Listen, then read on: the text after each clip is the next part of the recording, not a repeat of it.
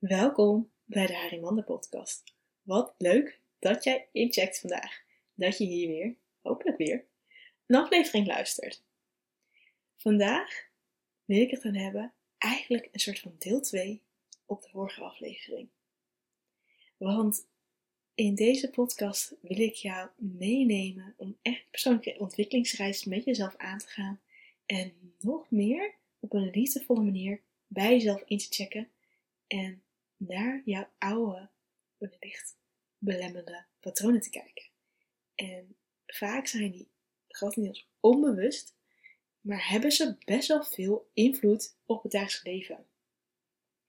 In de vorige aflevering had ik het over een schrikmoment van mij, waarbij ik eigenlijk getriggerd werd naar echt in de eerste levensjaren van mijn jeugd, dat er heel veel onrust en ruzie was bij mij thuis. En dat ik dus nog steeds schrik van harde geluiden. En dat daardoor, ja, eigenlijk in een soort van kleine paniek schiet. En die realisatie zorgt ervoor dat ik er iets meer rust in kan pakken. En dat ik heel erg kan herleiden van oké, dat was van toen, dat speelt niet meer nu. Ik heb vertrouwen in hoe het nu is, in mijn relatie, in dat als iets valt, dat niet betekent dat gelijk het oorlog is, dat er gelijk chaos is, dat het gelijk een, dat ik me helemaal moet terug, terugtrekken en aanpassen om de lieve vrede te houden.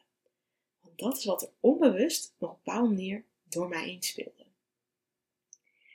En ik ben heel erg bezig nu door een persoonlijke ontwikkelingsreis extra diepgang laag heen te gaan.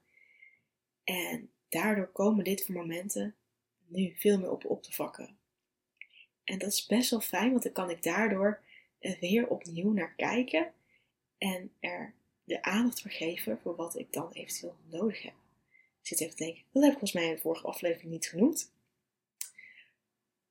Eigenlijk bijna het belangrijkste key-element gewoon zo vergeten. Ja, er gaat nu echt een error door mijn hoofd heen. Faal, faal, dit kan niet, slecht. Ah, maar ik ben ook gewoon mens. En dan ben ik zo gefocust en dan denk ik, dan ging mijn gedachte weer naar de volgende stap voor de podcast van vandaag. En dan komt dat gewoon nu, is dat weer weggezakt. Want het mooie is dat als jij weet waar het vandaan komt, dan kan je ook kijken wat had je dan op dat moment nodig. Dus oké, wat je wordt getriggerd in het nu.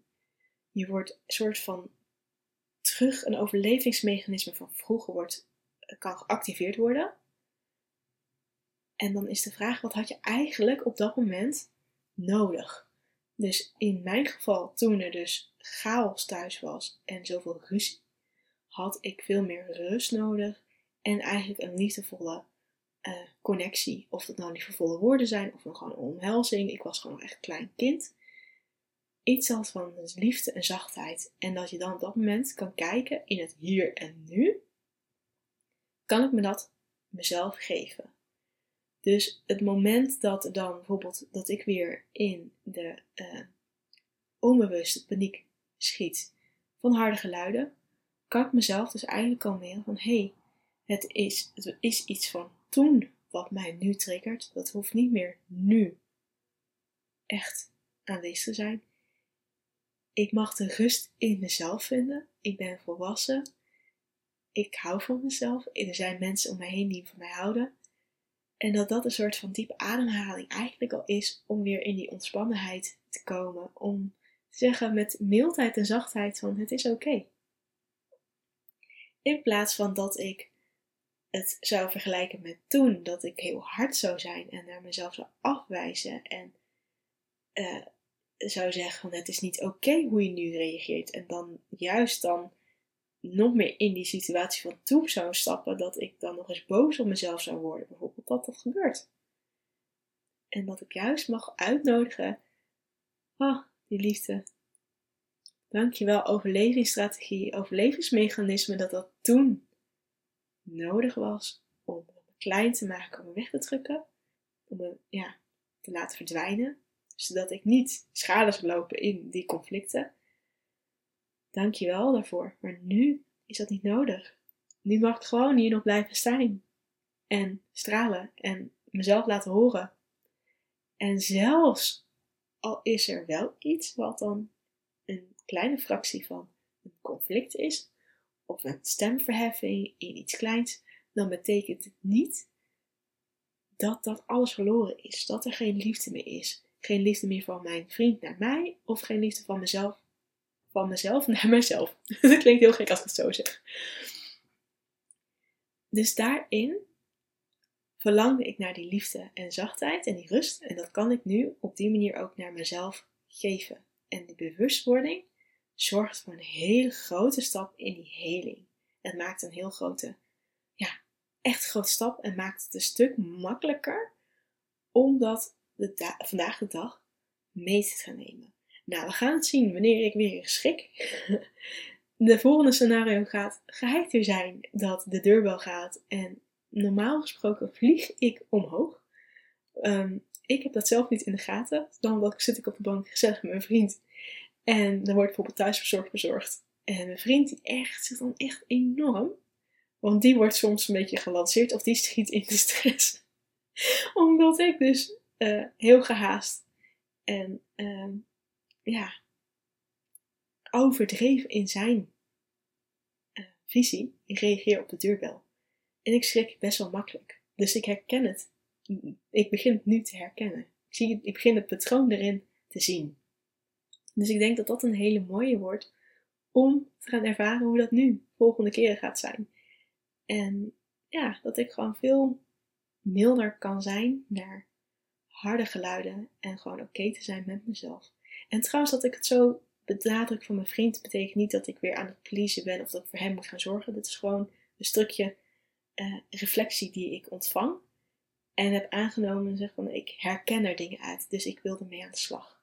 En helemaal nu ik herkende dat ik terugkom in een oud kinddeel die eigenlijk een soort van verwaarloosd was. Die liefde nodig heeft. Die soort van in paniek schiet. En dat nu niet meer nodig hoeft te zijn. Want ik ben volwassen en ik sta in zo'n andere situatie. En ik mag met die liefdevolle volwassenen voor dat kindsdeel zorgen. Sorry als het nu te zweverig wordt. Dit is nu schematherapie op een top. In de zin van je hebt verschillende delen in jezelf. En toen werden we ook al getipt tijdens, uh, tijdens de therapie waar ik uh, toen in zat. Dat was een groepstherapie voor een half jaar.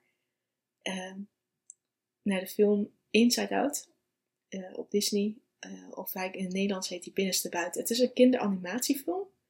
Maar het geeft wel heel mooi symboliek hoe schematherapie in zijn werking kan zijn.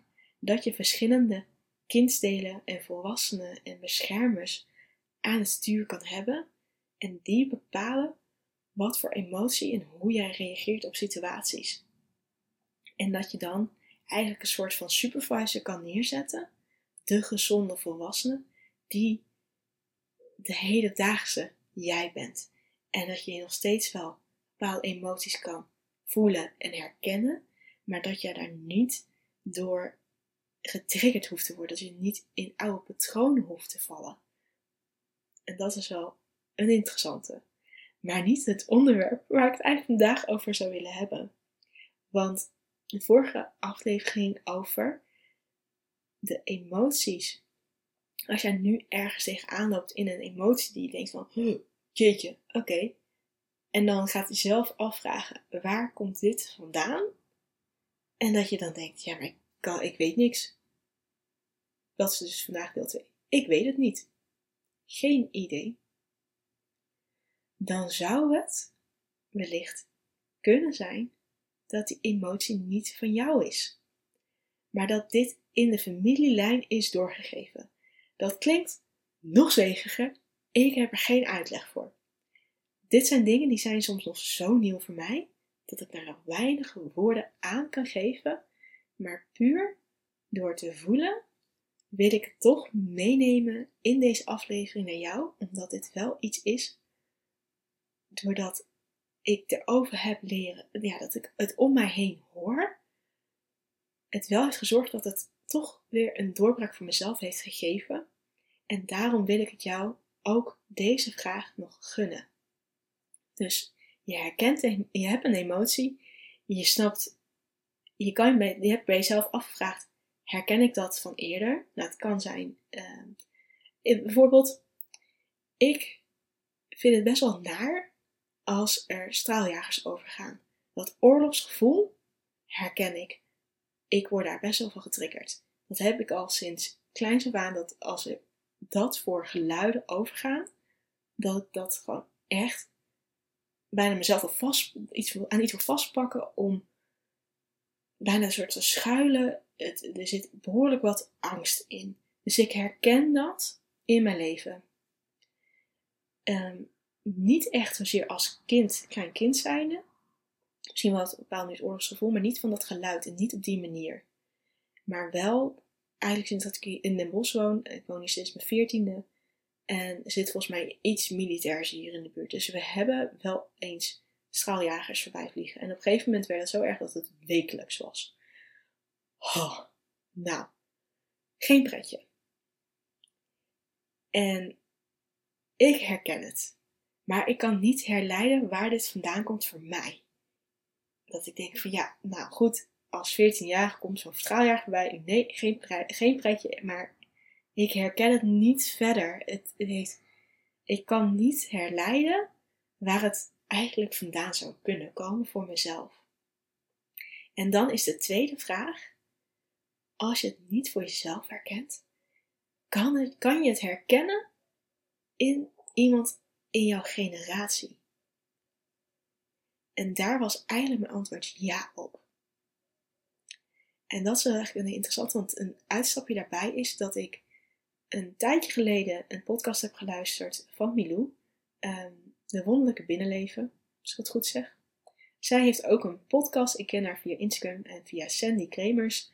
Uh, ze hebben ook geregeld samen een podcast, dus ik, daardoor ken ik haar. En in een van de podcastafleveringen die ik toen had geluisterd van Milou, dus ondertussen al een week terug, heeft zij het dus over de familielijn. En hoe bepaalde emoties en angsten en trauma's doorgaan en doorgegeven worden aan degene in, in de volgende generatie, als je het niet zelf kan verwerken of ja, plaatsen. En als ik me niet vergis, deelde zij over hoogtevrees en hoe dat bij haar, volgens mijn moeder ook was en hoe dat bij een grootouder ook was. En toen zij realiseerde van ja, maar dit, dit heeft niks met mij te maken. Dit is iets wat daar vandaan komt met dit verhaal en deze gebeurtenissen. En dat zij er eigenlijk soort van los van staat. Ze is het verlengde ervan. Ze herkent het gevoel, ze voelt het nog steeds. Maar de basis is langer terug. En toen ze dat in die podcast deelde, toen had ik al zoiets van: oh, interessant ik ben benieuwd waar dat bij mij zit. En ik weet dat mijn moeder heeft trouwens met water. Ze heeft echt watervrees. Die, die, kan niet, die ging ook niet in het diepe. Dat kon ze ook, te verlamde ze. Ik heb met zoveel moeite mijn zwemdiploma's gehaald. Want ik voelde dat natuurlijk op een bepaalde mate ook. Ik hou niet van zwemmen. en ik ben er wel bewust van dat mijn moeder altijd gezegd heeft: dit is van mij, dit is niet van jou. Energetisch heb ik het toch doorgekregen. Dus ik was wel dat ik denk oh ja, dit is niet per se van mij. Maar dit is wel in mijn jeugd erin gebakken geworden. Weet ik zo niet wat ik ermee heb te doen. En ik heb op een gegeven moment wel in de loop der jaren daar meer vrede mee gehad. En misschien een bepaalde manier toch wel losgelaten. Want mijn mooie succesmoment is geweest dat ik uh, een aantal jaar terug uh, was ik op vakantie met mijn broer en toen waren wij uh, snorkelen. En we hadden zo'n boottrip en die ging dan op verschillende locaties, kon je dan gaan snorkelen. Nou, het was de eerste keer dat ik überhaupt ging snorkelen en ik ben al een keertje eerder bij een bootje geweest in de zee en ik ging toen niet de zee in, wel met mijn voeten in het water, maar ik wou niet de zee in. Misschien heb ik het even gedaan, maar wou ik echt weer terug eruit. Het voelde niet veilig, het voelde niet goed. En met die trip met mijn broer, toen met die boot in, uh, in Thailand, prachtig gesnorkeld. Eerst ook bij plekken geweest waar je gewoon, ehm, ja, eigenlijk uh, het, het, het, eilandje opkwam en van daaruit dus het water inliep. En toen kwam op een gegeven moment bij een andere stop. En dat was vlakbij het eiland. Maar echt de zee. En mijn broer zei ook na de hand dat hij niet had verwacht dat ik het water in zou gaan. Want daar hebben we het natuurlijk over gehad. Maar ik heb dus daar uh, en gesnorkeld. En met problemen al. het zat iets niet goed met mijn maskertje. Ik heb er hulp gevraagd en ik ben het gewoon nog een keer gaan doen. En ik vond het zo bevrijdend en zo'n succes. Dus ik, ja, dat was wel voor mij echt een overwinning. En daar ben ik ook wel trots op eigenlijk. Dus het is heel iets kleins. Dus het is, misschien heb ik het al helemaal verbroken. Maar ja, nog steeds ben ik niet fan van zwemmen. Ik ga niet naar zwembad zo even toe. En ik duik ook niet hier zo de maas in. Dat vind ik ook niet, uh, niet chill. Maar ja, wie weet. Vervolgens kwam er dus weer een moment dat die straaljagers hier in Den bos weer overkwamen. En ik vervolgens weer dat gevoel had uh, nee. Oh, heb je er weer een. Oh, wat zijn er twee? Oké, nog even wachten. Dan komt dan de tweede. Oké, en oké, probeer te ontspannen. Probeer te ontspannen. Oeh, oké, het is voorbij. Nou, dat hoeft niet. En toen realiseerde ik me dus weer die familielijn. En dat, ja, mijn opa heeft gewoon in de oorlog gezeten. Zo simpel is het. Dat zullen zoveel van, nou misschien, ja. Ligt me net van welke generatie je bent. Mijn moeder was 40 toen ze mij kreeg. Dus ik, uh, uh, ik heb een oudere moeder en ik heb daardoor ook een opa helaas niet echt gekend. Um, maar ja, ik heb dus een iets oudere generatie boven mij. Maar mijn opa heeft in de oorlog gezeten. En er is weinig van bekend. Er zijn wel wat verhalen, maar die zijn eigenlijk denk ik ook pas echt dat toen hij echt bejaard was, pas boven tafel gekomen. En ik weet nog vooral dat mijn moeder ook vertelde dat er vroeger niet aan kerst werd gevierd bij hun. Omdat er ja, een hele traumatische ervaring is geweest voor mijn opa. En daar, heeft ze over verteld, dus ik weet van, maar dat doet er nu niet toe in deze aflevering. Maar hij heeft het dus heel erg zwaar gehad met de oorlog. En er werd niet over gesproken thuis. Dat was te groot, te zwaar, te veel voor hem. Mijn moeder heeft daardoor ook niet echt over die periode kunnen praten. Maar hoe groot is de kans als er een familielijn is en mijn vader of mijn opa zulke traumatische ervaringen heeft gehad waarvan wij maar een puntje van de ijsberg weten?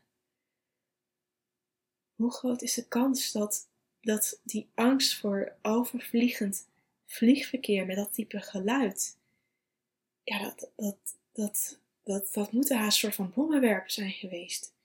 Hoe groot is die kans dat die oorloggeluiden getriggerd worden nog in die generatie bij ons? En dan zullen het niet bommenwerpers zijn geweest, maar dat mijn moeder straaljagers ervaarde als oorlog. Oorlog zit weer gekoppeld aan de trauma's van mijn opa. En dan kom ik, nog een generatie later, en ik hou mijn hart vast wanneer er zulke voertuigen in de lucht passeren.